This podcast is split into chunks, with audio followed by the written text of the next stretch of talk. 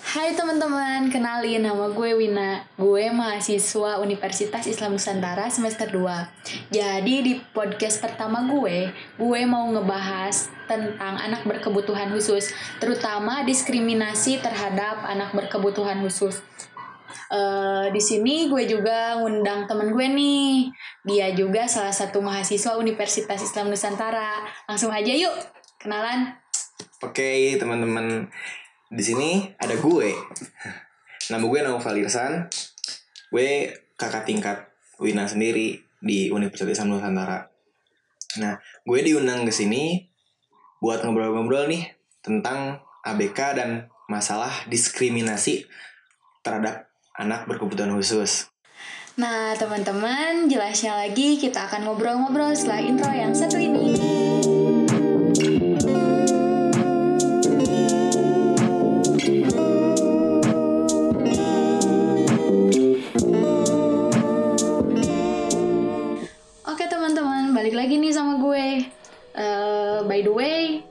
Kabar lo, Val? Alhamdulillah kabar baik banget buat gue. Dan gue juga diundang ke sini juga nih. Gimana kabar lo, Wina? Baik nggak? Ya, gini-gini aja lah. Pasti lo gabut kan, ngapain aja lo di rumah? Di rumah rebahan santuy, ngemil, makan, nonton film, ya gitu-gitu aja sih ngerjain tugas kuliah, baca-baca buku, novel, koleksi gue, dan ya gitu aja. Hmm, langsung aja kali ya. Hmm. Nah, untuk pembahasan yang gue angkat tuh kan tentang diskriminasi ABK. Nah, gue mau ngejelasin dikit nih tentang ABK. Jadi, ABK adalah anak yang memiliki pelayanan secara khusus yang diberikan sesuai dengan kebutuhan mereka. Mungkin itu secara garis besarnya ya. Nah, teman-teman, tadi kan kita sempat ngomongin diskriminasi nih. Apa sih diskriminasi itu? Jadi, diskriminasi itu adalah perilaku yang tidak adil dan tidak seimbang yang diberikan kepada individu atau seseorang. Nah, menurut lo sendiri diskriminasi terhadap ABK itu seperti apa sih, Pak? Nah, ngomongin diskriminasi nih buat anak-anak berkebutuhan khusus. Contohnya kayak gini. Uh, ada seorang seseorang gitu, seorang yang udah bekerja, yang udah berumur, tapi dia punya kekurangan di penglihatan Nah, ceritanya kayak gini. Jadi dia tuh mau ngelamar kerja ke sebuah stasiun radio nih. Saat dia mau ngelamar, padahal yang dibutuhin radio tuh cuma ngomong dan suara-suara ya kayak podcast kita ini nih. Tapi belum apa-apa karena kekurangannya dalam penglihatan si orang ini udah udah dicap bahwa ya dia cacat dan nggak bisa diterima di stasiun radio tersebut. Padahal kan dia hanya mengalami ya gue sebut hanya mengalami uh, gangguan penglihatan. Sedangkan di stasiun radio orang cuma butuh ngomong doang. Nah itu udah, udah diskriminasi gitu kecilnya. Tapi ada lagi juga diskriminasi yang emang secara verbal kayak bullying yang dilakuin oleh anak-anak lain kepada uh, salah satu anak ABK gitu contohnya kayak anak uh, tunarungu anak tunagrahita yang mereka bilang kayak anak idiot lah anak gila dan sebagainya itu sih itu termasuk diskriminasi banget buat buat mereka gitu. Nah, menurut lo, Val, kenapa sih hal tersebut bisa terjadi di lingkungan masyarakat? Nah, mungkin ngobrolin kenapa tersebut bisa terjadi gitu di lingkungan masyarakat sekitar kita. Salah satunya adalah yang jadi trigger mungkin karena pengalaman atau pengetahuan masyarakat tentang uh, apa itu ABK kurang dipahami mereka gitu. Ternyata ter, Nah, terutama masyarakat-masyarakat awam. Masih banyak orang-orang yang belum paham tentang apa itu ABK, kenapa uh, apa yang terjadi pada anak tersebut. Nah, itu terutama mungkin anak-anak sebaya mereka yang mungkin kurang diberi pengertian oleh orang tuanya gitu. Makanya kenapa adanya bisa adanya terjadi bullying yang dilakukan oleh anak-anak yang dikatakan normal gitu kepada anak-anak berkelat ber kebutuhan khusus itu menurut gue. Nah, kan kita sebagai mahasiswa nih, gimana sih caranya kita bisa menyikapi masyarakat yang mungkin kurang tahu akan ABK tersebut, sementara kan mereka dipandang sebelah mata. Ada yang bilang mereka gila atau apalah itu. Nah, gimana sih? Nah, mungkin eh kayak kenapa sih mereka selalu di, eh, dipandang oleh masyarakat seperti itu gitu balik lagi kita juga sebagai eh, calon generasi-generasi penerus gitu di lingkungan sekitar masyarakat kita terutama lingkungan yang terdekat kita juga harus bisa memberikan pengertian gitu buat orang-orang atau emang misalkan adik kita sendiri gitu atau siapa pun itu orang-orang terdekat bahwa apa sih ABK itu gitu kenapa sih em, mereka harus mendapatkan hak-haknya? Karena ya emang mereka juga sama gitu mereka juga punya hak-hak utama untuk berbaur di lingkungan tanpa dibeda-bedakan. Tetapi kadang orang-orang awam masih sering eh, me-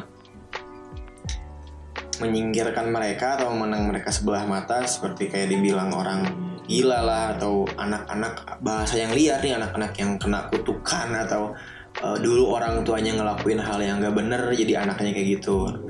Cara kita memperbaikinya itu mungkin sedikitnya ya kayak kita memberikan apa ya sedikit sosialisasi gitu kepada orang-orang kepada orang-orang di lingkungan sekitar kita terutama orang-orang tua terdekat gitu. Itu mungkin sebuah cara yang dilakuin oleh kita sebagai mahasiswa nih ya contohnya kayak pas nanti kayak atau kayak kakak tingkat kakak tingkat kita yang udah-udah nih pas KKN atau apalah itu gitu itu.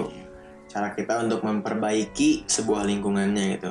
Memberikan eh, Arahan, ya. arahan yang lebih bagus atau ya sedikitnya ilmu gitu bagi orang tua orang tua yang mempunyai anak yang tidak ABK gitu ataupun ya orang tua anak ABK tersebut gitu. Mungkin itu doang sih Nah, teman-teman, jadi yang paling penting tuh pemahaman masyarakat atau lingkungan sekitar tentang anak berkebutuhan tersebut. Karena dampaknya bisa menyebabkan bullying atau hal-hal yang tidak mengenakan, ya kan? Mm-mm, betul Jadi, anak-anak tersebut juga berhak loh mendapatkan haknya, samalah kayak kita-kita. Mereka juga berhak untuk belajar, bersosialisasi, dan banyaklah pokoknya pokoknya kita harus ciptain lingkungan yang inklusif. Udah ada tuh di ideologi kita, yaitu di dalam sila kelima, yang berbunyi keadilan sosial bagi seluruh rakyat Indonesia. Mantap bener. Pokoknya semua hak-hak anak-anak ABK juga sama kayak kita-kita orang umumnya lah.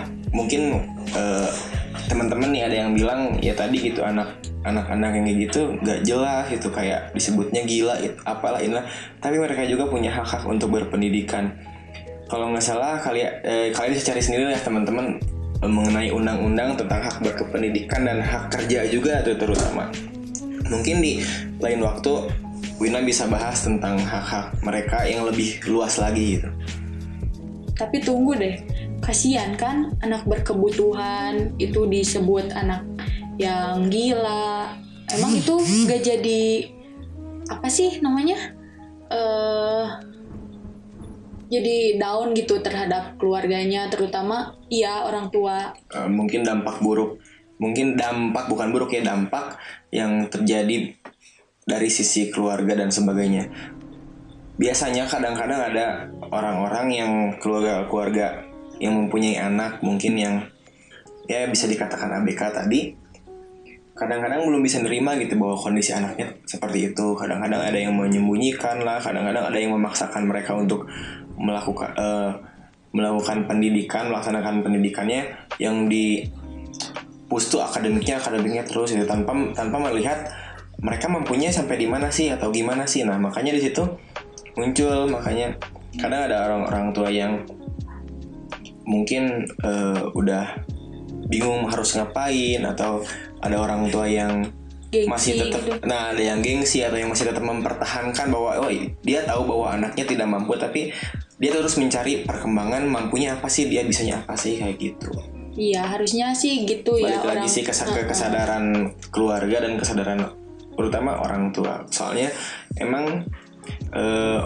orang tua keluarga di rumah itu paling berpengaruh buat anak mereka pendidik pertama buat anak-anaknya sendiri termasuk kita nih calon-calon eh, orang tua teman-teman yang masih kuliah atau mungkin yang eh, udah punya anak dan sebagainya Oh iya, Pal. Gue mau nanya nih sama lo. Hmm. eh lo pernah ngalamin kasus gak sih tentang diskriminasi ini? mengenai diskriminasi ini ya kalau gue sendiri belum pernah sih ngalamin gitu tapi ada waktu dulu temen SMK gue inisialnya si W lah jadi dia tuh sering dibully sama temen-temennya gitu. Kan waktu itu kita lagi kuliah eh, SMK nih SMK jurusan teknik. Setiap setiap gambar teknik kan ada warnanya tuh setiap dia nunjuk setiap dia, setiap dia disuruh di bengkel kalau nunjukin warna kayak fuse, sikring atau spare part mobil atau motor dia tuh nggak tahu warnanya gitu. Makanya sampai dia kadang-kadang nggak mau sekolah nggak mau ini nggak mau itu nggak mau interaksi sama teman-teman karena sering dibully gitu buta warna lah atau eh, kalau pakai bahasa Sunda nih Woi, mana apa tuh? Iya warna naon? Tabung gas tuh kan, tabung gas warna hijau, tapi dia sebut warna pink gitu. Terus dia susah ngebeda ngebeda-bedain warna yang hampir identik gitu kayak biru, hijau, eh, kuning sama orange, pink sama merah. Itu perspektifnya susah gitu untuk mendeskripsikan sebuah warna yang konkret gitu. Kalau kita kan nyebutin warna hijau ya hijau, merah ya merah, pink ya pink, tapi dia kebingungan dengan warna-warna yang hampir mirip-mirip dan mungkin eh, dia cuma sedikit mengenal eh, warna-warna di sekeliling dia gitu. Entah mungkin faktor dari kecilnya mungkin dia eh, kurang pemahaman atau mungkin pendidikannya atau ya emang mungkin cuma segitu-gitunya gitu. Belum pernah gue tanya atau gue kuak soalnya waktu itu kan posisi gue masih SMK dan belum tahu ranah tentang pendidikan eh, luar biasa atau ABK ini mungkin bisa saling terkaitan sih karena kan ABK itu nggak hanya anak-anak yang kita sebut nih di mata kuliah kita kayak tunagrahita, tunadaksa, tunalaras, tunanetra tapi eh, orang-orang yang sering berinteraksi sama kita juga berkebutuhan khusus gitu termasuk gue juga berkebutuhan khusus sekarang gini gue butuh kacamata eh yang pasti gue butuh alat khusus yang namanya kacamata minus gue yang ngebantu gue buat eh, baca Melihat, buku ya. ngeliat itu gitu gue juga termasuk anak yang berkebutuhan khusus gitu Nah, tapi temen lu sendiri itu eh, nggak putus sekolah kan? Nggak, alhamdulillah sampai sekarang udah beres kuliah, eh kuliahnya, sekolahnya sekarang udah kerja di rumahnya sendiri. Dan alhamdulillahnya lagi waktu terakhir-terakhir mau UN, gue sempat ngobrol-ngobrol sama dia, sering ngobrol, gue ngasih tahu warna yang kayak gini, yang kayak gitu, dan dia juga mau dan anaknya baik sih, terus humble juga sama temen-temennya. Mungkin yang disayangkan tuh waktu itu teman-teman gue termasuk gue juga kadang-kadang suka nyindir-nyindir atau bercandain kayak gitu. Wah, jahat banget sih.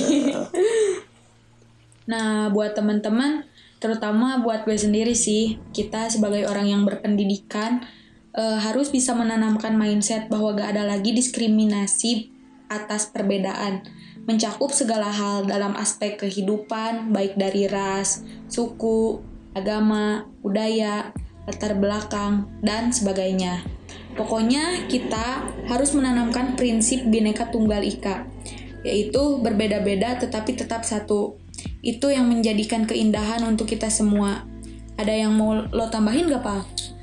dari gue mungkin udah cukup lah intinya saling menghargai perbedaan saling melengkapi jangan sampai ada diskriminasi atau penindasan yang berujung-ujungnya ya eh, membullying atau Iya, yang kayak lain-lain. menjudge Hmm, lagi menjudge gitu. lagi bahwa si Anu ah ini mah anaknya ini ini ini atau yang lain lah gitu bahasa-bahasa yang mungkin kurang enak mungkin ke depannya kita bisa ngebahas lagi mengenai diskriminasi tapi yang lebih luas lagi yang mencakup misalkan ranah kerja eh, di akhir nanti ABK dan sebagainya yang kayak tadi sebut Iya. sama gue yang eh, tunanetra yang ngelamar kerja ke stasiun radio yang kayak gitu Iya, iya. udah cukup sih dari gue cuma segitu aja Ya, mungkin cukup sekian dari gue. Kalau ada salah kata ya mohon dimaafkan. Semoga di podcast gue ini bisa menambahkan wawasan untuk teman-teman semua. Nah, gue mau ngucapin terima kasih banget buat lo, Fa. sama-sama Oke, buat teman-teman, gue juga ucapin makasih banget buat kalian, terutama yang udah dengerin podcast gue ini.